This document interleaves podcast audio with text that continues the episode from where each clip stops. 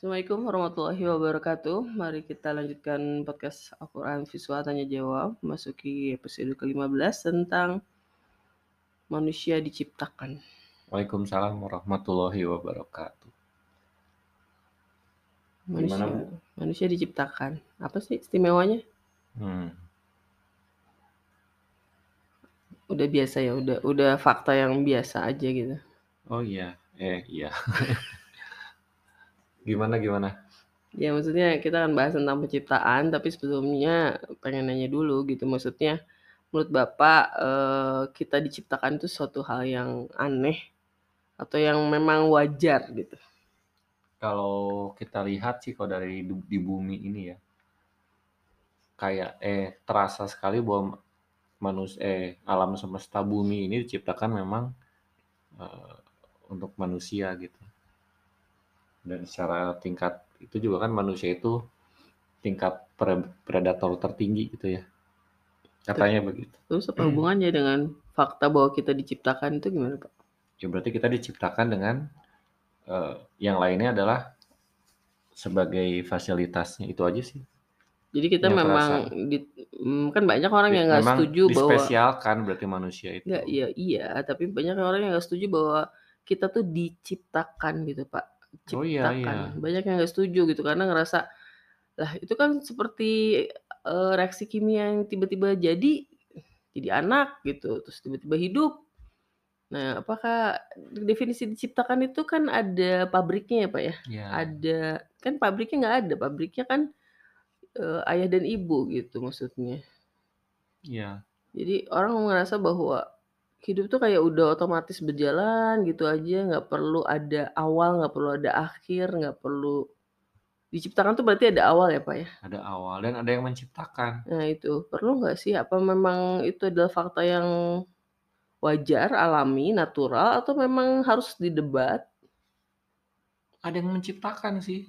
Emang tahu dari mana Pak? Tidak ter- terlalu banyak kebetulan kalau ini alamiah begitu. Oh gitu. Iya. Oh. Bener Pak? Pinter ya. Nggak tahu. Nggak tahu. Itu kan hanya sebagai pemancing Bapak biar bergerak aja otaknya.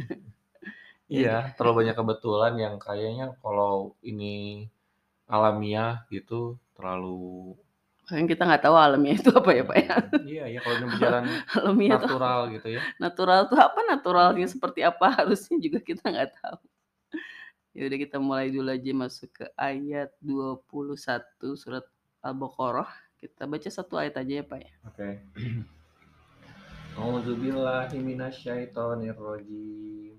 Ya ayyuhal ya ayyuhan nasu budu rabbakumul ladzi khalaqakum wallazina min qablikum la'allakum tattaqun. Wahai manusia, sembahlah Tuhanmu yang telah menciptakanmu dan orang-orang yang sebelum kamu agar kamu bertakwa. Nah, sederhana aja ya ayatnya sebetulnya cuman satu kalimat. Ada satu yang saya pengen tanya dulu. Pertama, eh, kata manusia udah pernah muncul belum sebelumnya Pak? Belum ya? Belum? Belum. Oh, jadi apa kata mm, mengabdi udah pernah muncul belum sebelumnya? Udah, Oh, udah. udah. Apa yang mengabdi di mana ya? Udah, Pak. Udah. Kata manusia itu udah pernah muncul sebelumnya Oh. di ketika membahas tentang orang-orang yang Wa minan nasi beriman. yaqulu amanna mengaku Oh, beriman. Ya, jadi ada dua eh, merujuk pada orang-orang yang mengaku beriman dan orang yang beriman itu sendiri. Kata manusia Ya. itu pernah muncul sebelumnya. Terus kalau mengabdi pernah muncul di mana? Mengabdi itu apa? Abdi. Di mana? Di mana? Di mana? eh, Al-Fatihah. Ya betul, Fatihah ayat 5. Ayat Iya lima. karena wa iya karena wa Iya, karena stain. Lalu kata Rob, Rob mah udah Oh, banyak. banyak. ya. Rob mah. Enggak sih baru dua. Birabbil alamin. Baru dua di Alhamdulillahirabbil alamin sama ulaika hudami rabbihim. Ayat eh, Al-Baqarah ayat 5 ya. Baru dua biji. Lalu apalagi Pak? Eh khalaqa. Khalaqa udah pernah belum? Kholik, pencipta ya. Belum pernah muncul. Menciptakan. Menciptakan. telah menciptakan belum pernah muncul sebelumnya Lalu kata min qablikum, min qablikum udah ada dulu di Qobla eh ya orang-orang sebelum kamu. yang Oh, udah sebelum ada itu kamu mah. ketika menyampaikan bahwa telah menurunkan kepada mereka Hmm. petunjuk ya. Lalu tatakun, tatakun di mana Pak? Bertakwa. Di mana? Oh, banyak. Masa Satu. di mana? Al-Baqarah ayat awal ya? Eh. Al-Fatihah ya? Aku lupa. Al-Baqarah ayat 2. Al-Baqarah ayat 2. Ya, jadi itu yang kita Nah, kalau baca ayat itu gimana, Pak? Bapak me meninterpretasikan ayat itu gimana? Menurut Bapak coba, wahai orang-orang yang beriman eh manusia, wahai seluruh manusia. Jadi kalau Bapak menurut Bapak yang paling pentingnya itu pengabdiannya atau takwanya? Apa? Pengabdian. Yang paling pentingnya apa tadi? Oh, yang paling penting ya pengabdian. Jadi kita fokusnya kepada pengabdian. Eh, iya. Jadi kalau kalau kita baca kalimat panjang itu menurut Bapak fokusnya adalah apa itu? Perintah untuk apa? Mengabdi pada Agar bertakwa. semua eh gimana, Eh, Pak? Tadi? Katanya fokusnya pada pengabdian. pengabdian. Jadi Ya pokoknya pengabdian karena kita Iya. mengabdi sebagai abdi Tuhan karena karena Tuhan telah menciptakanmu. iya maka jadi Tuhan menciptakanmu, maka kamu harus mengabdi kepadaku agar kamu bertakwa. nah agar kamu bertakwa itu maksudnya apa, Pak? Nggak ngerti. Nggak tahu. Kata alakum tatakun itu banyak ya sering diulang. Jadi kalau misalnya kita baca satu kalimat tadi, wahai seluruh Manusia. manusia, mengabdi pada Robmu yang telah menciptakan kamu dan orang-orang sebelum kamu agar kamu bertakwa. Mm-mm. Jadi fokusnya sebetulnya adalah apa? Perintah untuk mengabdi pada Tuhan gitu. Iya. Benar. Hmm. Menurut Bapak begitu. Hmm. Terus agar kamu bertakwanya apa? Bonus atau Iya bawaan. Bonus Kalau aja? dia mengabdi ya dia, ber- dia bertakwa. Oh gitu ya Pak. ya kalau misalnya kita jadi sekarang gini, mengabdi itu apa Pak? Mengabdi itu menghamba, meng, apa, meng- mengikuti yang di yang diabdikan. Gimana gimana? Meng, eh, mengikuti kan mengabdi itu kan abdi itu kan hamba ya. Eh, mengikuti apa yang eh, diinginkan oleh penciptanya, Khalik Oh gitu. Jadi eh, sekarang kan itu seruan kepada seluruh manusia ya. Berarti seluruh manusia harus mengabdi pada Tuhan. Ya, Bapak setuju? setuju. Oh, Bapak udah ngikutin semua keinginan Tuhan. Eh, inilah seri- sedang seri, ini on progress. Satu persen atau dua persen on progress? Iya, segituan lah. ya ini ini kenapa makanya kita ngebahas cuma satu ayat aja karena satu ayat ini walaupun satu kalimat aja ini eh, esensial banget seperti yang kemarin kita bahas bahwa sebetulnya ini adalah eh, ayat pertama dalam Al-Qur'an yang kita kemarin bahas ya. Kenapa? Karena setelah penjelasan panjang dari Al-Fatihah dan awal surat Al-Baqarah tentang tipe-tipe manusia, Hmm. Ini adalah baru pernyataan pertama eh, seruan Allah kepada manusia. Jadi Oke. ketika kita baca Quran, sebetulnya yang kita buka harusnya ayat ini dulu. Karena Al-Fatihah dan teman-teman itu cuman prolog doang, cuman pembukaan tuh maksudnya cuman ya bagian depan yang kita sering skip ya. Kalau Bapak kan baca sering skip tuh yang terima kasih kepada pen- pada ini pada itu. Nah, itu kan sering dilewat malah ya. Yang kita Hmm. lewat pertama kali baca pasti bab satu kan. Nah, bab satu itu ternyata isinya adalah seruan kepada seluruh manusia. Oke. Hmm. Wow. Wow, wow telat, telat sadar. nah, jadi kalau kita bicara tentang Quran, terus kita sadar bahwa buku halaman pertama, bab pertama, ayat per- kalimat pertama adalah menyeru kepada seluruh manusia. Jadi seakan-akan Allah ngomong kepada semua manusia. Jadi akhirnya kita sadar ya bahwa Al-Quran itu memang untuk seluruh manusia ya Pak. Ya. Karena apa? Seruan pertamanya untuk Mengabdi ya untuk seluruh manusia. sama manusia. Jadi kayak Allah ngomong ke kita, wahai manusia, Hmm. hey, hey guys, hey Ya, guys, Mas. Allah di sini guys. Nah, tapi masalahnya eh, kalau apakah manusia itu merasa terpanggil selain orang Islam gitu? Iya itu ma masalah perasaan kan, Pak. Bukan Masa perasaan kan yang merasa dipanggil, "Perhatian-perhatian kepada yang mau berangkat ke Surabaya silahkan berkumpul," misalnya begitu kan. Jadi yang punya kepentingan saja yang Ya enggak juga, datang. Bapak salah contohnya. Yang kamu ke Surabaya ya memang nggak semuanya, Pak. Tapi kalau yang semuanya yang mau makan yang mau makan, ya semua manusia datang. Mmm. Ya kan berarti kalau kita panggil manusia ya kita merasa sebagai manusia enggak gitu. Iya nggak? Iya. Berarti kita harus merasa terpanggil, enggak? Iya iya. Ya kalau Ya misalnya seruan untuk seluruh Yohanes. manusia, ya harus semua manusia menyadari bahwa dia sedang, eee, dipanggil, diseru oleh, eee, Rabb ya. Rabb itu apa? Nah di sini adalah salah satu fungsi Rabb yang Allah juga tunjukkan, setelah sebelumnya membahas tentang petunjuk, eee, dikaitkan dengan penciptaan. Jadi siapa Rabb siapa Rabb, siapa Tuhan adalah yang menciptakan manusia. Nah makanya saya tadi tanya, "Bener nggak sih Pak kita diciptakan?" Mmm. Nah, tapi sebelum kita bicara tentang penciptaan, sebetulnya kita loncat dulu nih Pak, "Wahai semua manusia," gitu ya, "wahai manusia" "mengabdilah pada Rabb-mu yang yang telah menciptakan kamu dan orang-orang sebelum kamu agar kamu bertakwa." Nah kita tahu kan, kita udah bahas sebetulnya tentang takwa. Kita tahu bahwa takwa itu adalah sesuatu yang masih harus diupayakan oleh orang-orang yang beriman. Iya. Tapi ternyata ketakwaan bukan untuk orang-orang beriman saja. Karena Allah menyeru seluruh manusia untuk Bertakwa. Nah itu koin pentingnya. Jadi kita kan sudah ngebahas bahwa kita selalu berpikir bahwa takwa adalah, eee, takwa memang jalannya harus iman dulu gitu kan. Tapi ternyata yang diseru sama Allah untuk menjadi orang bertakwa adalah seluruh Manusia. Terus kenapa orang-orang sebelum kamu dibawa terus? Siapa mereka tuh? Siapa siapa mereka? Siapa? Ini ngomong ke siapa? Kamunya di sini siapa? Aku. Ya manusia. Seluruh manusia. Iya. Bisa Sebelum kita kamu jadi sebelum iya sebelum betul. kamu artinya sebelum manusia itu ada Iya. gitu? Enggak tuh Pak. Kan yang ba yang baca kita, berarti yang sebelum kita siapa? Manusia-manusia sebelum kita gitu kan Pak. Tapi Sebelum biasanya kalau ada, dalam sebelum kamu diciptakan gitu? Salah, Bapak mah tafsirnya ya? mana-mana. Maksudnya dalam konteks ini kan, eee, kum dalam Quran kebanyakan merujuk kepada Muhammad ya. Mmm.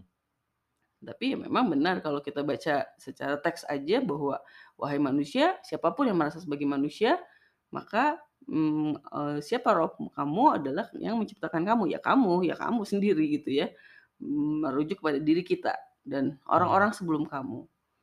Nah kita kan kalau bicara tentang orang-orang sebelum kita, selalu berpikir bahwa mereka juga tiba-tiba sudah ada.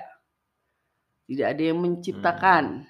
Nah oke. ya kan, berarti Allah menegaskan bahwa creating, Allah menciptakan, memfa memfabrikasi, membuat orang-orang dan orang-orang sebelum kamu. Jadi kalau bicara tentang kita, ya bicara tentang Nabi Adam yang dari awalnya muncul, tidak juga tiba-tiba gitu ya. Berarti orang-orang sebelum kita termasuk di dalamnya adalah manusia yang dianggap pertama sebagai manusia yang homo sapiens lah ya, juga diciptakan. Nah sekarang berarti jadi menarik adalah, eee, kita ternyata diciptakan. Kembali, jadi apa pentingnya orang-orang sebelum kamu itu hadir? Maksudnya kan itu bukan bukan statement pertama kan? Statement sebelumnya juga ada. Iya, Di statement pertamanya awal. kan bicara tentang orang eee, petunjuk. Mmm. Hudal lil muttaqin dan mereka yang di Untuk untuk lebih percaya gitu manusia bahwa bukan bukan gini, ya karena kita bicara tentang satu umat. Kita bicara tentang satu manusia, satu kesatuan manusia. Kita bicara melintasi waktu. Makanya orang-orang sebelumnya akan menjadi satu frasa yang menjadi penting, karena kita bicara tentang manusia dan manusia-manusia sebelum kita, keturunan-keturunan di belakang kita, nenek moyang kita. Kenapa menjadi penting? Ya ya sangat penting dong Pak, makanya kan tadi kalau kita bicara tentang orang-orang sebelum kita, misalnya kita tidak merasa diciptakan, oke nggak masalah. Tapi kalau Mhm. bicara tentang orang-orang sebelum kita yang merujuk pada satu titik aja, yaitu manusia yang muncul di bumi, okelah bukan homo sapiens apa, homo-homo yang lain ya, homo de eee, manusia-manusia purba lainnya Kan bisa aja disebut manusia juga kan? Nah, Mhm. merujuk pada mereka siapa yang menciptakan, siapa yang menjadikannya ada. Jadi penting kan? Nah, jadi kita bicara tentang masa lalu dan sejarah-sejarah manusia. Akhirnya kita sampai ke titik bahwa Allah menyatakan bahwa mereka itu gue yang bikin. Gue yang menciptakan gitu. Sebetulnya ini fakta yang kata saya, eee, sederhana nggak sederhana, mungkin karena kita juga sudah biasa didoktrin bahwa kita memang ada pencipta ya, Mhm. ada yang menciptakan gitu. Tapi sebetulnya kita tahu juga bahwa banyak orang yang tidak setuju bahwa faktanya manusia memang diciptakan. Mhm. Ya kan, Pak? Kenapa? Ya sebetulnya gini sih, Pak, kalau menurut Bapak, eee, statement mana sih yang lebih masuk akal, manusia itu ada yang menciptakan atau manusia tiba-tiba muncul? Ada yang menciptakan. Kalau menciptakan tuh maksudnya apa sih, Pak? Kalau menciptakan itu berarti ada Dari tidak yang ada meramu ada. gitu ya? Iya. Sekarang kita misalnya mau bikin Create. roti, ya bikin roti. Roti ada yang menciptakan menjadi roti seperti yang kita inginkan. Tapi Mhm. ada kan kejadian-kejadian yang tidak terwujud tiba-tiba terwujud. Contohnya apa tuh, Pak? Yang tidak terwujud, tiba-tiba Yang terwujud. tidak kita bikin tiba-tiba jadi. Nah, Oh. loh. Anak itu. Itu mah Nggak ngerasa gitu ya tiba-tiba jadi hamil. Padahal kan nggak niat gitu. ini apa, rumput-rumput yang tumbuh, rumput-rumput liar tumbuh di taman. Mengganggu sekali ya. Heeh, nggak ada bibitnya, nggak ada apa-apa, tiba-tiba muncul. Ya sebetulnya banyak ya, banyak hal yang, eee, tidak kita ciptakan, banyak hal yang tidak kita usahakan ada ternyata ada. Sebetulnya termasuk, eee, diri kita sendiri gitu kan. Orang tua sendiri juga kan sering ngaku nggak ngaku gitu. Siapa yang mau punya anak tiba-tiba kamu lahir. Seperti itulah ya, Pak, ya. Jadi kan kalau misalnya kita bicara tentang ya ini adalah satu apa ya, statement pembuka yang kalau menurut saya sih memang mengarti kecilkan manusia sampai ke titik yang memang kita mau nggak mau menyadari keterbatasan kita sebagai benda, sebagai objek. Iya nggak sih, Pak? Oke. Kita tuh pada dasarnya manusia tuh merasa sebagai Tuhan ya kan? Tuhan tuh gimana definisinya? Definisi Tuhan di bumi, kita tuh tidak, eee, merasa bahwa kita bisa menentukan Men hidup menentukan kita, sikap. menentukan semua hal yang kita Mengatur inginkan. segala Nah, urusan betul betul. alam semesta. Nah, ternyata ketika statement pertamanya adalah Allah menyatakan bahwa kamu udah mah diciptakan, udah mah kita berarti ada suatu produk, suatu objek, kita juga harus mengabdi. Nah, definisi mengabdi itu tadi benar, Pak. Karena ada kata lain dalam Al-Qur'an yang menggunakan kata mengabdi yang diartikan budak. Terus gimana tuh, Pak? Kita sebagai manusia udah mah diciptakan, kita juga harus memperbudak diri terhadap Rob gitu. Iya, begitu. Oh gitu, Pak, kayak gampang aja gitu Bapak ngomongnya, kayak gampang aja mau mau diperbudak sama manusia aja nggak mau, ini sama Tuhan yang nggak kelihatan. mah sama Tuhan mah ya Oh iyalah, gitu, Pak. iya. Bapak teh sekarang sudah merasa sebagai Iya, budak. Oh, yang benar saja. Coba kalau Bapak sudah hafal berapa persen Quran. Karena kalau masalah ber diperbudak ya Bapak berarti harus rela tuh mengetahui semua isi Quran. Iya, iya begitu. Eee, Bapak sudah rela? Rela aku. Ya gitu ya, Pak, ya. Maksudnya gini, kita tuh kadang-kadang suka nggak sadar antara kenyataan di lapangan dengan idealisme itu suka nggak nyambung. Kita tahu bahwa kita tuh objek, tapi kita sok jadi Tuhan. Mhm. Ya kan kalau kita berdoa sama Tuhan kan kita mintanya lebih nantang dibanding Tuhannya sendiri. Minta duit minta duit minta duit, kan gitu. Seakan-akan kita adalah, eee, yang menentukan Tuhan harus ngabulin apa. Kita berdoa aja kita maksa-maksa, eee, pengennya inilah, pengennya itulah, minta inilah, minta itu. Ini Tuhannya siapa? Ya nggak sih, Pak? Itu ya. Kalau kita sikapnya kan begitu, sikap kita sebagai manusia yang mengaku sebagai ciptaan dan mengaku sebagai abdi Tuhan, tapi kelakuan kita lebih Tuhan dibanding Tuhan itu sendiri. Bahkan menuhankan Tuhan, membuat Tuhan menjadi budak kita, gitu kan, Pak? Ya nggak sih, Mhm. Pak? Sekarang kita disuruh sholat, nggak mau. Nanti entar entar, udah gimana gue aja lah. Gue gue maunya gini deh, pokoknya gitu deh. Iya nggak sih, Pak? Kan kalau budak tuh nggak ada pilihan ya? Berarti Iya. kalau budak itu berarti Bapak nggak punya pilihan lain. Selain mengikuti Iya. Iya. Terus o Tuhan harus gimana? Harus mecut kita, terus sampai tadi dipecut nggak mau marah. "Apaan gua dipecut-pecut? Gua kan suka-suka gua dong gua mau nurut mau kagak, lu urusan amat sih." Gimana sih bingung ya manusia tuh. Iya nggak sih, Pak? Jadi kita tuh nggak konsisten. Kita merasa di satu titik kita tahu bahwa alam semesta ini terlalu menakjubkan, kita ngerasa nggak sanggup bikin. Tapi dalam titik-titik tertentu di mana kita ngerasa bahwa kita sanggup mengubah hidup kita, mengubah dunia, kita seenaknya. Ya kita harusnya konsisten dong, Pak, gitu. Dalam urusan-urusan kecil kita juga mengabdi pada Tuhan, dan urusan-urusan besar kita juga mengabdi pada Tuhan. Ya makanya kalau kita bicara tentang pengabdian, ini bukan hal yang mudah gitu. Makanya kenapa banyak orang yang memutuskan diri untuk menjadi kafir. Hmm. Karena nggak ada beban. Nggak ada beban, dia nggak perlu urusan lah, saya diciptakan kek, saya enggak kek, saya nurut sama Tuhan atau kagak, saya nggak ada urusannya. dipanggil lagi, "Wahai Ya manusia." terserah, dia mungkin merasa sudah menjadi Tuhan, tidak merasa jadi manusia. Dia tidak merasa sebagai objek gitu kan. Makanya dia tidak memutuskan untuk tidak mau mengabdi pada Tuhan. Dan kita yang sudah berpikir bahwa sepertinya kita percaya sama Tuhan, sepertinya kita percaya bahwa kita diciptakan, sepertinya saya ingin mengabdi tapi tidak juga mewujudkan kata-kata itu, gimana nih, Pak? Ya. Ya nggak? Iya. Iya, jadi masalahnya ya akhirnya sebetulnya gini, jadi kalau misalnya kita, eee, nanti ditanya sama Tuhan gitu, ditanya, "Lah kamu kan udah bilang kamu mau ngabdi sama Tuhan. Tapi kenapa kelakuan kamu nggak gitu?" Gitu. Terus kita mau bilang apa, Pak? Maaf ya Allah. Maafin Mbak Im ya Allah. Terlambat. Iya nggak sih gitu. Pada akhirnya kita kan, eee, dipertanyakan untuk konsistensi kita dalam menjalani kehidupan ini gitu. Karena ya terus terang sih memang kalau saya pikir, mmm, siapa sih yang bisa konsisten? Iya nggak? Tapi kalau misalnya kita, eee, berhenti di situ, nah ini yang jadi lucu gitu ya. Kadang-kadang kita memikir bahwa, "Oh iya saya akan, eee, mengabdi pada Tuhan, saya akan, mmm, mengakui bahwa saya diciptakan bla bla bla." Hmm. Tapi ada titik-titik yang akhirnya kita nggak konsisten, kita lupa, kita lalai, dan akhirnya kita menjadi orang-orang yang jelas tidak bertakwa. Tidak beriman dengan kegaiban, tidak beriman dengan apa yang Allah turunkan. Ya akhirnya kita menjadi kafir dan fasik. Makanya itu kenapa dibahas duluan si kafir, fasik, takwa ini. Karena ini akan menjadi landasan kita berjalan terus gitu, Pak.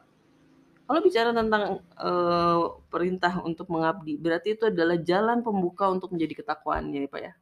Jadi kalau misalnya kita bilang, "Gimana sih caranya jadi orang bertakwa?" Satu dulu.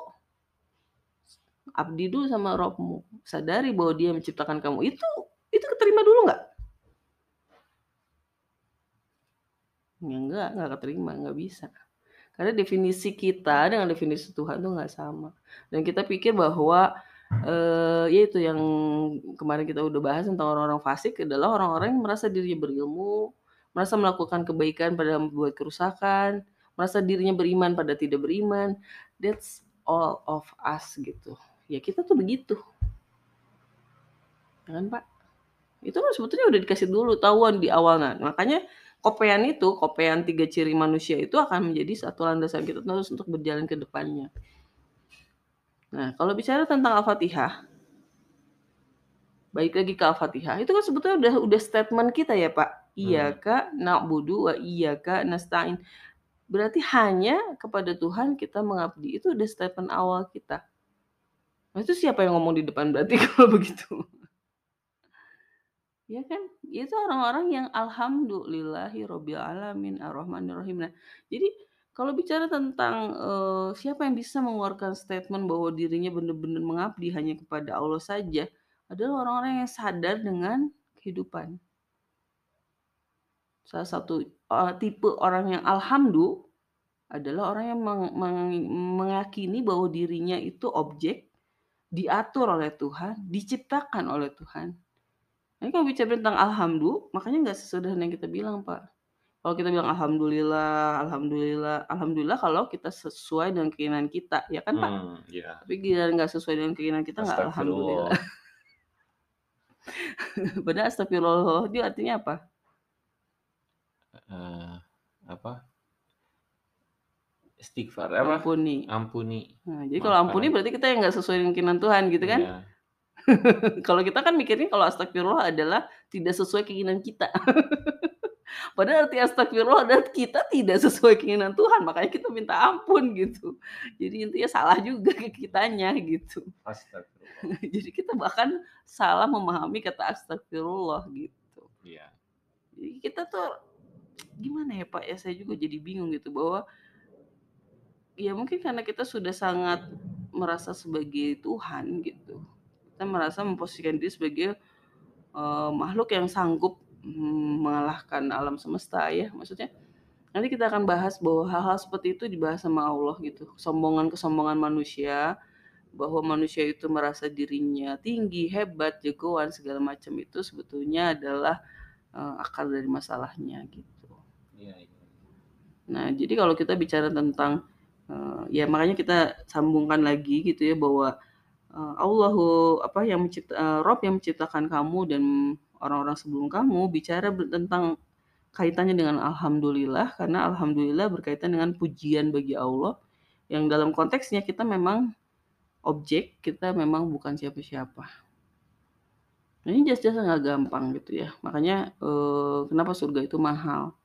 Surga itu mahal karena dia membutuhkan pengabdian 100%.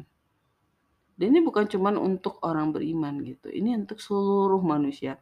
Makanya kalau kita bicara tentang, eee, Islam itu adalah agama yang bukan agama. Hmm. Jadi maksudnya yang kalau kita bayangin agama itu adalah pilihan gitu ya. Enggak, agama itu bukan pilihan, Islam itu bukan pilihan. Islam itu adalah takdir manusia gitu. Manusia itu udah takdirnya mengabdi pada Allah gitu dan tidak bisa punya pilihan lain. Apa saya bisa menyem menyembah pada selain Tuhan? Nggak bisa. Kita selalu berpikir bahwa agama itu boleh kita pilih sebagai pen apa Pak, pengharum ya, se sebagai pe peningkatan kualitas manusia meningkatkan kualitas manusia, Hmm. penambahan penambahan kualitas. Jadi kalau Bapak misalnya punya mobil, Bapak boleh tuh ganti aksesorisnya, boleh enggak, ya kan? Tapi kalau Bapak ganti, eee, interiornya, bakal tambah bagus tuh mobil. Nah, yang jadi masalah, Al-Quran itu roda. Bapak bisa ganti roda jadi apa aja, tapi nggak bisa kalau nggak pakai roda gitu kan, atau bensin. Bapak nggak akan maju gitu. Nah, ini kadang-kadang kita suka lupa gitu. Jadi beban kita sebagai manusia itu, manusia itu dibebankan pada Tuhan pada suatu keadaan di mana kita harus mengabdi dengan konteks mengikuti apa yang Allah inginkan, tapi kita suka nggak sadar bahwa kalau kita tidak mengikuti Tuhan, kita jadi masalah, kita jadi error. Nah, makanya kekafiran dan kefasikan itu sebetulnya bukan, eee, pilihan, itu konsekuensi. Jadi kalau Bapak megang api, Bapak kebakar, itu konsekuensi apa pilihan? Konsekuensi. Nah, jadi jangan berpikir bahwa kekafiran dan kefasikan itu adalah pilihan, salah Pak. Nah, kalau begitu kan kembali di sini, ya ayuhan nas gitu ya, eh, ya ayuhan nas. mhm. Eee, ya ayuhan nas, kan wahai manusia. Nah, masalahnya sekarang informasi ini tidak terjangkau ke seluruh manusia. dari mana Bapak? Bahkan manusia pun orang pun nggak tahu bahasa Arab pasti, kan dia bahasa Arab nih ya. Ini udah tuh, ini informasi ini udah 1400 tahun yang lalu, Tapi kan Pak. orang yang baru lahir dua 20 tahun lalu juga kan ada. Maksudnya dia, eee Itu udah diterjemahkan pakai bahasa Indonesia Bapak mah. berarti harus ada yang harus ada yang menyampaikan Nah, begitu sekarang kita kan. tanya, kenapa tidak ada ulama yang menyatakan bahwa Islam itu bukan pilihan, bahwa semua manusia yang harus mengabdi, yang redaksi bahasanya sesuai dengan Al-Quran, kenapa? Ya tanya sama mereka Pak, kenapa tanya saya sama saya? Saya juga bingung. Kenapa nggak ulama-ulama itu ngomong? Selalu ulama itu mengatakan bahwa Islam itu, ulka Al-Quran untuk umat Islam gitu ya. Karena nggak berani Pak ngomong kayak gini gitu. So, kalau saya juga ulama besar, apa saya bisa bilang bahwa seluruh manusia itu harus mengabdi pada Tuhan, apa saya mampu gitu dengan sorotan TV dan segala macam gitu? Belum tentu saya berani kan. Untuk ngomong bahwa semua manusia diperintahkan untuk mengabdi hanya pada satu Rob, alias semua orang harus berislam. Kita kan selama ini juga sering dengar ya Pak ya, semua orang harus berislam gitu kan. Sebaik-baiknya agama iya, Kenapa? sebaik-baiknya agama adalah Terus Islam. jawab apa? Kenapa harus mengabdi kepada Iya, karena kita Allah? diciptakan, Bos. Ya kecuali merasa tidak merasa kita menciptakan hidung kita sendiri, merasa kita Ya. menggambar alis kita sendiri. gini, karena mereka kan punya pendefinisian mengenai Rob itu berbeda-beda. Siapa mereka, Pak? Orang-orang yang bukan Islam lah yang merasa manusia tapi bukan yang tidak Ya, mengenal ya Allah. udah itu mah nggak usah diurusin, Pak. Ngapain juga Bapak Bukan, ngurusin tapi mereka? kan itu ada perintah wahai manusia, ada ada apa sih? Ada halo-halo. Iya, makanya kita harus ikutin definisi Rob Allah gitu kan. Sedangkan Allah mendefinisikan Rob itu adalah yang menciptakan manusia. Sekarang jadi masalahnya adalah mau kita merasa diciptakan ya kan? Atau kita menciptakan diri kita sendiri, kita menggambar alis gitu. Nah, kalau jangan tanya sama orang-orang yang di Thailand yang menciptakan diri sendiri operasi plastik. Tapi apakah dia menciptakan plastiknya sendiri? Ya jelas tidak, Pak, gitu. Oke, oke. Ya jadi kita eh ya inilah gitu. Ini ki- kita tuh udah jauh lah dari hakikat kita sebagai manusia. Ya tapi kita nggak usah ngomong kita lah ya. Maksudnya orang-orang sebelum kita ya sama. Firaun ya sama. Orang-orang yang dihancurkan oleh azab. Terus kenapa kita nggak dihancurin azab sih Pak? Ya karena kita nggak ada nabinya gitu ya. Ada nabinya kita udah hancur Pak. Ya makanya orang-orang zaman kita tuh sebetulnya ada untungnya gitu. Karena azabnya itu dalam konteks ya walaupun azab di dunia itu ada tapi tidak langsung dalam konteks yang seperti zaman dulu ya seperti zaman Firaun dan eh, nabi-nabi sebelumnya. Tapi konteksnya adalah bahwa kita eh, manusia-manusia zaman dulu juga sudah sama. Sombongannya tuh sama. Nggak bicara tentang kita aja gitu. Jadi kita nggak usah jadi over apa ya under underestimate sama diri kita sendiri enggak karena ini seruan yang sama. Sebetulnya Allah juga menyeru manusia-manusia sebelum kita juga dengan seruan yang sama Makanya untuk bisa memahami bahwa eh, kita sadar bahwa kita tuh adalah objek itu gak gampang. Ya kan Pak? Jadi kalau sekarang kita mempertanyakan tentang nasib kita, nah yang jadi masalah kan kita suka dipersalahkan oleh orang-orang non-muslim atau katakanlah orang-orang kafir ya. Ketika kita mempunyai suatu masalah dalam hidup kita, yang dipermasalahkan adalah kenapa kamu menerima bahwa itu adalah suatu takdir dari Tuhan kamu gitu kan? Hmm. Biasanya emang ditakdirkan miskin, gimana ya? Di satu pihak salah memang pernyataan itu dalam konteks em, pasrah dan nyerah dan cuek aja. Tapi di satu pihak bahwa kita memang sebagai manusia yang sadar bahwa kita ada takdir Tuhan yang terlibat dalam urusan hidup kita, itu juga harus dipahami gitu ya. Nah, bagaimana cara kita mengubah hidup kita eh, harus sesuai benar eh, seperti apa? Nah, masalahnya gini, kalau kita bicara tentang ilmu-ilmu barat, kita kan tahu bahwa mereka mengajarkan pada sesuatu titik yang jelas, yaitu adalah harta. Sukses itu adalah harta yang banyak. Ya. Nah, sedangkan kalau kita bicara tentang eh, Islam, tentang Quran, tentang apa yang Allah inginkan, jelas bukan itu. Karena seperti yang kita udah bahas tentang orang-orang bertakwa, mereka adalah orang-orang yang meniadakan, menafkahkan yang diinfakkan. Jadi asli bagi mereka harta itu bukan suatu yang dijadikan pertimbangan. Ya kan Pak? Nah ini juga harus menjadi satu pikiran bahwa ketika Allah memerintahkan untuk mengabdi, konteks mengabdinya seperti apa, kita nggak jadi mikirin nanti gue jadi punya duit atau enggak ya. Ya. Sebetulnya itu nggak ada urusannya lagi gitu kan.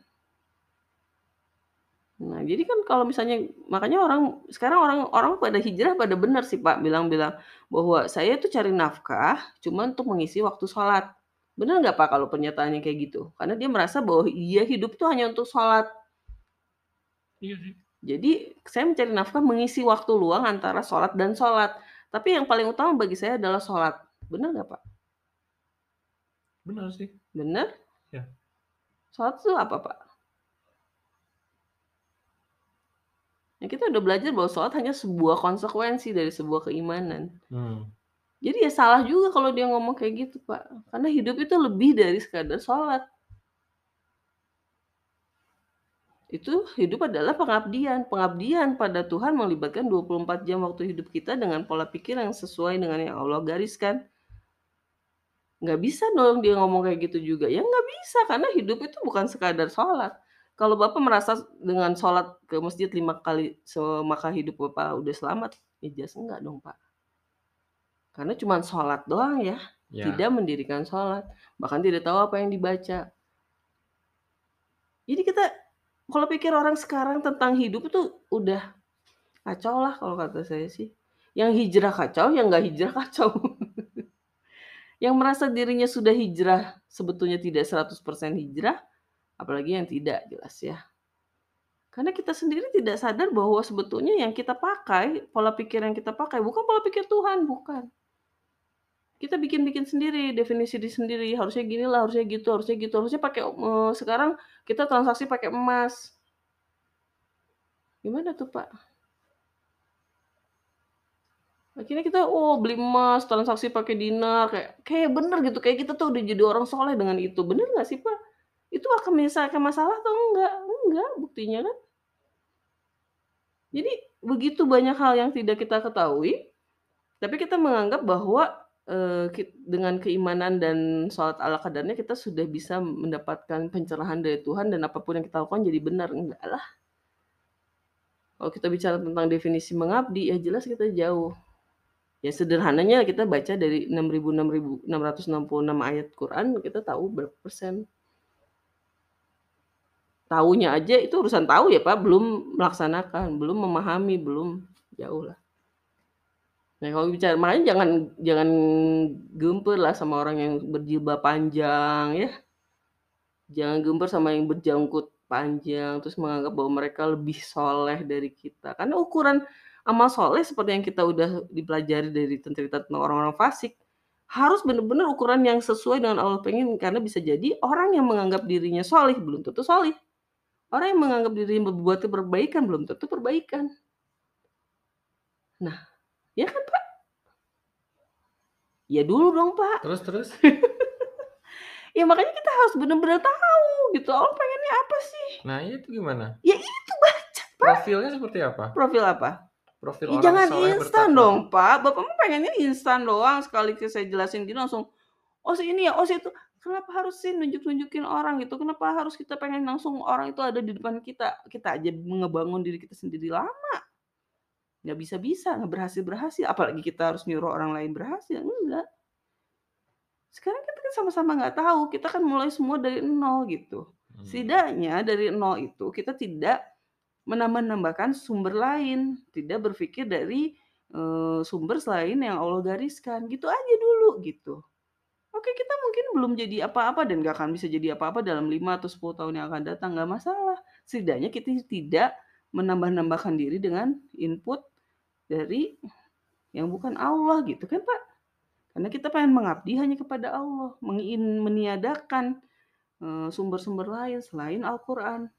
Mungkin memang kita nggak akan paham sampai 6660 ayat sampai mati pun enggak gitu. Tapi setidaknya kita tidak sok tahu sok paham, merasa mengaku-ngaku beriman, padahal enggak gitu kan? Ya nggak sih Pak? Hmm. Karena intinya adalah ketakwaan itu kan kemarin yang seperti kita udah bahas, alazina yu'minuna bil goibi. Apa tuh Pak? Beriman kepada yang goib. Iya. Berarti kita sadar bahwa kita tuh nggak tahu apa-apa. Dan dalam ketidaktahuan itu kita bertanya sama Tuhan. Ya itu aja sesederhana itu gitu Pak. Gak usah kita mikir, ya tapi kan pencapaian kita mana? 10 tahun kita belajar gini-gini aja. Pencapaian kita adalah tidak mengambil source lain dari selain Quran. Itu pencapaian. Tetap mengimani bahwa kita nggak tahu apa-apa, tetap rendah hati, tetap berusaha untuk tunduk sama Allah walaupun ya doing mistake gitu kan. Tetap bertobat, tetap minta ampun, ya gitu aja. Sesederhana itu aja gitu. Ya masalahnya kita nggak tahu mau ke mana gitu. Perjalanan ini adalah seperti lorong yang kita nggak nggak bisa lihat ujungnya ke mana, ke mana arahnya. Sama seperti Rasulullah dulu Pak. Emang Rasulullah bisa tahu bahwa dia akan berhijrah? Ya. Rasulullah bisa tahu nggak kalau ternyata seisi Mekah bisa uh, berislam? Ya. Bahkan Rasulullah tidak pernah membayangkan gitu, bahwa dia bisa punya tempat yang namanya Madinah, yang semua orang-orang mendukung dia. Makanya kalau kita berpikir tentang keislaman jangan memikirkan ujung perjalanan, ya udah jalanin aja gitu, ayat per ayat. Kita baru pahamnya segini, ya jalanin. Nah kadang-kadang manusia tuh suka nggak sabar kan. Ya tapi kita tuh pengen solusi dong, pengen solusi, masa gini-gini terus umat Islam ada di bawah. Islam itu apa? Islam itu tunduk, tunduk tuh apa? Sikap, sikap kamu gimana sama Allah. Tapi kita pengennya selalu langsung jeger, jadi, keren, hebat gitu kan, Pak. Mmm. Iya nggak sih? Enggak? Iya. Nggak salah. Makanya kalau kita bicara tentang ya ayyuhal ya ayyuhan nas, ya ayyuhan nas u'budu gitu ya, eee, abdilah Rabbmu, terus kita nggak paham apa itu Rabb, apa itu mengabdi, apa itu takwa, ya nggak apa-apa. Tapi kita punya suatu tekad dalam diri kita, "Oke, saya sebagai manusia menerima bahwa saya diciptakan." Akhirnya kita mengenalkan diri lagi gitu kan, menganggap bahwa "Oh ya saya nggak tahu nih, berarti saya akan cari tahu." Terus gitu. Dia nggak tahu nantinya akan jadi orang seperti apa, kita nggak sama sekali nggak tahu gitu. Tapi yang kita tahu bahwa kita menerima bahwa kita tuh nggak tahu apa-apa. Yu'minuna bil ghaib, kita mengimani kegaiban, kita nggak tahu. Kita bertanya sama Allah. Makanya kalau misalnya gini, "Bapak, eee, entar ya saya mikir dulu baru berdoa." Gimana tuh, Pak? "Ini gimana dong masalahnya ini gimana gimana?" "Ya entar ya saya mikir dulu, nanti udah mikir kita baru berdoa." Gimana tuh, Pak, konsepnya?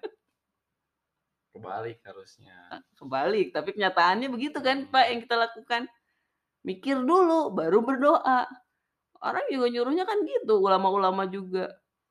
Usaha dulu baru berdoa, serahkan pada Allah, tawakal setelah berusaha. Ya salah lah, gimana caranya kita bisa tahu apa yang kita mau usahakan kalau kita juga nggak ngerti mesti gimana menghadapi situasi. Ya udah berdoa dulu, nggak tahu berdoa lagi, nggak tahu lagi berdoa terus, ya gitu aja. Kan kita cuman objek. Enak nggak sih, Pak, jadi objek? Enak kan? Enak nggak sih kalau kita menganggap bahwa diri kita tuh objek, kita punya Tuhan? Sebetulnya enak nggak sih, Pak? Enak. Enak, tapi kenapa Bapak nggak pernah praktek? Kenapa Bapak merasa hina gitu dengan nggak tahu, nggak ngerti? Kenapa? Iya di depan manusia pasti jadi merasa hina, tapi di depan Tuhan sebetulnya enak kan? Kita nggak tahu, mau berdoa apa nggak tahu, mau mengubah nasib apa yang diubah aja nggak ngerti. Ya nggak sih, Pak? Kenapa kita nggak praktek aja gitu menjadi orang yang nol, selalu nggak tahu. Ya kali, mungkin, entar ya tanya Tuhan dulu. Kenapa sih nggak kayak gitu aja, jadi orang kan enak, Pak, kayak gitu. Atau Bapak merasa bahwa dengan menjadi orang yang begitu, merasa hina karena tidak bisa menggunakan akal pikiran Bapak gitu atau gimana? Nggak tahu. Ya kan Bapak yang suka bersikap begitu, sok-sok merasa bisa menemukan jawaban tapi tidak ada jawabannya, Nggak tapi juga tahu. tidak pernah bertanya sama Tuhan. Kan saya nanya sama Bapak, "Kenapa Bapak bersikap begitu? Kenapa saya nggak pernah lihat Bapak tuh kayak bengong di depan Tuhan gitu?" Nggak pernah, karena biasanya kalaupun di depan Tuhan udah mikir duluan, "Ya Allah pokoknya saya pengen gini, amin." Itu kan berarti kita udah mikir duluan, minta legitimasi dari Tuhan dengan berdoa. Minta Tuhan mengabulkan permintaan kita. Lah sebetulnya yang kita minta itu berarti kan hasil pikiran kita, Pak, bukan hasil petunjuk Tuhan. Iya.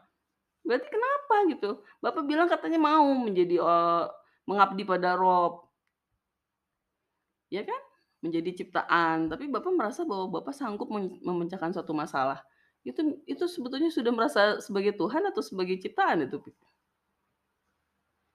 Eh serius, Iya iya, Pak. Eh serius. bukan gitu, karena kadang-kadang kita suka nggak sadar, Oke. bahwa sebetulnya yang Allah pengen itu adalah perasaan-perasaan sederhana, yang sebetulnya kita dicoba untuk menyadari bahwa kita tuh punya keterbatasan. Mmm. Dan keterbatasan itu sebetulnya bukan untuk menen men apa ya, sebetulnya dengan, eee, kita jan bukan pengen bukan Tuhan menantang kita untuk keluar dari keterbatasan itu. Kalau saya ya Mmm. berpikir, Bahwa yang ingin Allah, eee, sampaikan pada kita adalah kita mengakui bahwa diri kita terbatas. Ya. Ya apa, Pak? Oke, Oke, sepakat. gimana sih? Tapi saya tahu Bapak tidak pernah mengakui bahwa diri Bapak terbatas. Ya nggak sih? Bapak selalu merasa bahwa diri Bapak tuh hebat, bisa menyelesaikan masalah, bisa keren. Pernah nggak Bapak merasa, "Ih, saya memang bodoh sih, saya memang nggak tahu apa-apa." Pernah nggak sih, Pak? Nggak pernah kan? Pernah lah. Bohong. Wahai manusia, gitu kan ya? Bohong. Bukan Enggak, ini mah jujur aja lah, Iya iya, Pak. oke oke. Kan sebetulnya Allah itu ya, kalau kata saya, bukan pengen manusia itu memecahkan masalah. Semua masalah yang diciptakan Allah di dunia ini untuk diri kita dan untuk orang-orang sekeliling kita sebetulnya untuk cuma mengakui bahwa, "Iya ya, gue emang nggak bisa, yang bisa pasti Allah, yang bisa menyelesaikan masalah ini pasti Allah, saya nggak tahu mesti gimana." Iya. Masa sih, Pak? Mmm. Bohong. Ya makanya gitu, masalah keimanan itu cuman kita bisa sendiri yang bisa mengevaluasi. Nggak ada yang bisa mengevaluasi kecuali diri kita sendiri gitu. Nggak ada yang bisa melihat bahwa kita berada di jalan yang benar, kita benar-benar mengabdi kepada Rob, kecuali diri kita sendiri. Dan itu hanya bisa dilakukan untuk orang-orang yang benar-benar mau menjadi orang yang lebih baik. Makanya Allah bilang di orang-orang fasik itu adalah mereka tidak sadar. Ya kan? Iya. Dan kita termasuk orang-orang yang tidak sadar itu. Kita tidak menyadari bahwa kita tidak melakukan kerusakan, tidak menyadari bahwa kita tidak berilmu. Makanya kita hanya bisa merefleksi diri sendiri untuk diri kita sendiri. Dan itu harus Bapak ingat gitu bahwa manusia dengan Tuhan itu head to head. Kita sama Tuhan itu sedang saling berhadapan sebetulnya. Jadi semua masalah dalam kehidupan ini adalah Allah tuh kayak pengen narik kepala kita untuk melihat ke sisi dia untuk menyadari bahwa gue tuh lagi ditampar sama lo ya, gue tuh lagi disuruh sadar sesuatu hal yang gue nggak sadar ya, dan itu nggak bisa dibicarakan di mana-mana kecuali di ruang kesendirian kita. Ya kan ada yang bisa menginterupsi itu gitu. Jadi kalau kita bicara tentang penciptaan, sebetulnya saya tidak ingin membahas sesuatu yang besar gitu ya, tentang alam semesta, tentang kesombongan-kesombongan manusia yang wah. Tapi untuk bisa menyadari bahwa di dalam diri kita dan terdapat satu ruang yang kita sadar bahwa kita nggak sanggup melakukan apa pun dalam hidup ini, bahkan untuk berpikir, nah sebetulnya itu saja sih, apa kita sudah bisa gitu. Karena saya pikir di sisi itu aja manusia sering kali hilang gitu. Karena kita sudah terlalu terpikir bahwa manusia itu adalah makhluk yang sanggup mengatasi masalah, sanggup kuat. Bahkan ada orang yang berdoa, "Ya, ya Tuhan, eh, apa kokohkan pundakku walaupun masalah banyak kuat, saya harus tetap kuat." Kata saya sih doanya salah ya. Ngapain minta yang susah-susah dari hidup mah minta yang enak-enak aja. Ngapain gitu kita dia minta berdoa minta masalah biar lebih tangguh. Itu mah udah urusan kita ya kita mau pengen hidup kan enak-enak aja ya kan Pak? Iya. Hidup enak mas masuk e, mati masuk surga. Robbana atina fid dunya hasanah wa fil akhirati hasanah. Ya Allah yang ngajarin lah. Masa kita mau hidup kita susah, nanti mati juga susah gitu kan enggak gitu. Makanya kan kita selalu salah gitu. Salah memandang sesuatu itu benar atau salah. Salah memandang itu manfaat atau tidak. Makanya Allah memberikan ilmu gitu. Tapi kalau kita tidak mau mengenalkan diri, tidak mau menganggap bahwa diri kita itu bukan siapa-siapa, kita ini budak, ya nggak akan pernah ke mana-mana. Kita mental aja gitu. Semua yang Allah lakukan, semua yang Allah sampaikan, nggak penting. Nah sekarang berarti kan kalau bisa ditanya, gimana Pak, Bapak sekarang udah jadi budak? Oh iya, udah bangga jadi budak. Nggak ada ya kan Pak?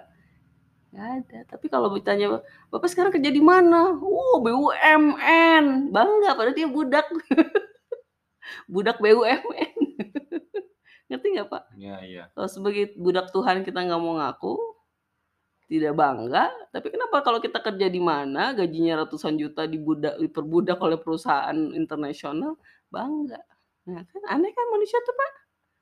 Jadi sebetulnya kalau kita tidak memperbudak diri kita dengan Tuhan, kita diperbudak oleh orang lain, kita diperbudak oleh setan, oleh hawa nafsu kita sendiri. Itu yang sering kali jadi masalah. Kita pikir bahwa kalau kita tidak diperbudak sama eee, tidak memperbudak diri sama Tuhan, kita tidak diperbudak oleh makhluk lain. Nggak bisa, masalahnya itu pilihannya harus cuman 2. Kalau Bapak bilang, "Oh saya mah tidak diperbudak sama selain Tuhan," bener nggak sih? Gitu. Karena pasti kalau kita tidak merasa bahwa kita tidak berada di jalan yang benar, pasti kita diperbudak oleh makhluk-makhluk lain, bahkan oleh diri kita sendiri. Ah, susah Pak. Serius Pak, ini Iya iya. masalahnya susah. Makanya kalau kalau bicara tentang kebangkitan umat, tentang kebenaran, udah nggak usah jauh-jauh lah. Contohnya kita aja, dan kalau kita dengan karakter kita, dengan sikap kita yang seperti ini ya, nggak usah nanyain lah, kayak gimana sih nanti masa depan Islam, nggak ada. Gitu lah Pak, jadi sedih saya mah. Udah tuh. Udah Pak. Sok atuh Bapak, sok Bapak kan yang paham gitu, coba di-closing aja lah. Oh, oke. Jadi bahwa kita adalah budak, manusia adalah budaknya Tuhan, atau budaknya Kholik, budaknya pencipta, ya kita harus mengikuti apa yang maunya pencipta. Mmm, Gitu. Tuhan maunya apa Pak? Bertakwa. Eh? Oh, bertakwa tuh kayak apa Pak? Mengikuti apa yang Allah mau. Apa yang Allah mau teh? Lah. Jadi Bapak budak udah lah. Bapak udah tahu? Udah tahu jadi budak. Sederhana sebenarnya. Sederhana, Dan, tapi eee, pelaksanaannya di panggilan 6.600 yang 66 ayat itu gimana dan Pak? panggilannya adalah untuk wahai manusia gitu. Kayak gampang ya? Iya, oke, Heeh. gampang. Belajar aja belum. Hmm. Gampang nggak? Hidup tuh proses, selalu berproses. Mulai dari nol tiap hari ya Pak Iya. ya? Heeh. Memang nol terus soalnya. Mhm, iya, kita kan budak ya. Apa hubungannya? Bertanya pada Allah tuh ini. Nah, gitu Pak, bisa? Iya, oke. Mulai Pak. Oke. Sekian pembahasan ayat Al-Baqarah 21. Assalamualaikum warahmatullahi wabarakatuh. Waalaikumsalam warahmatullahi wabarakatuh.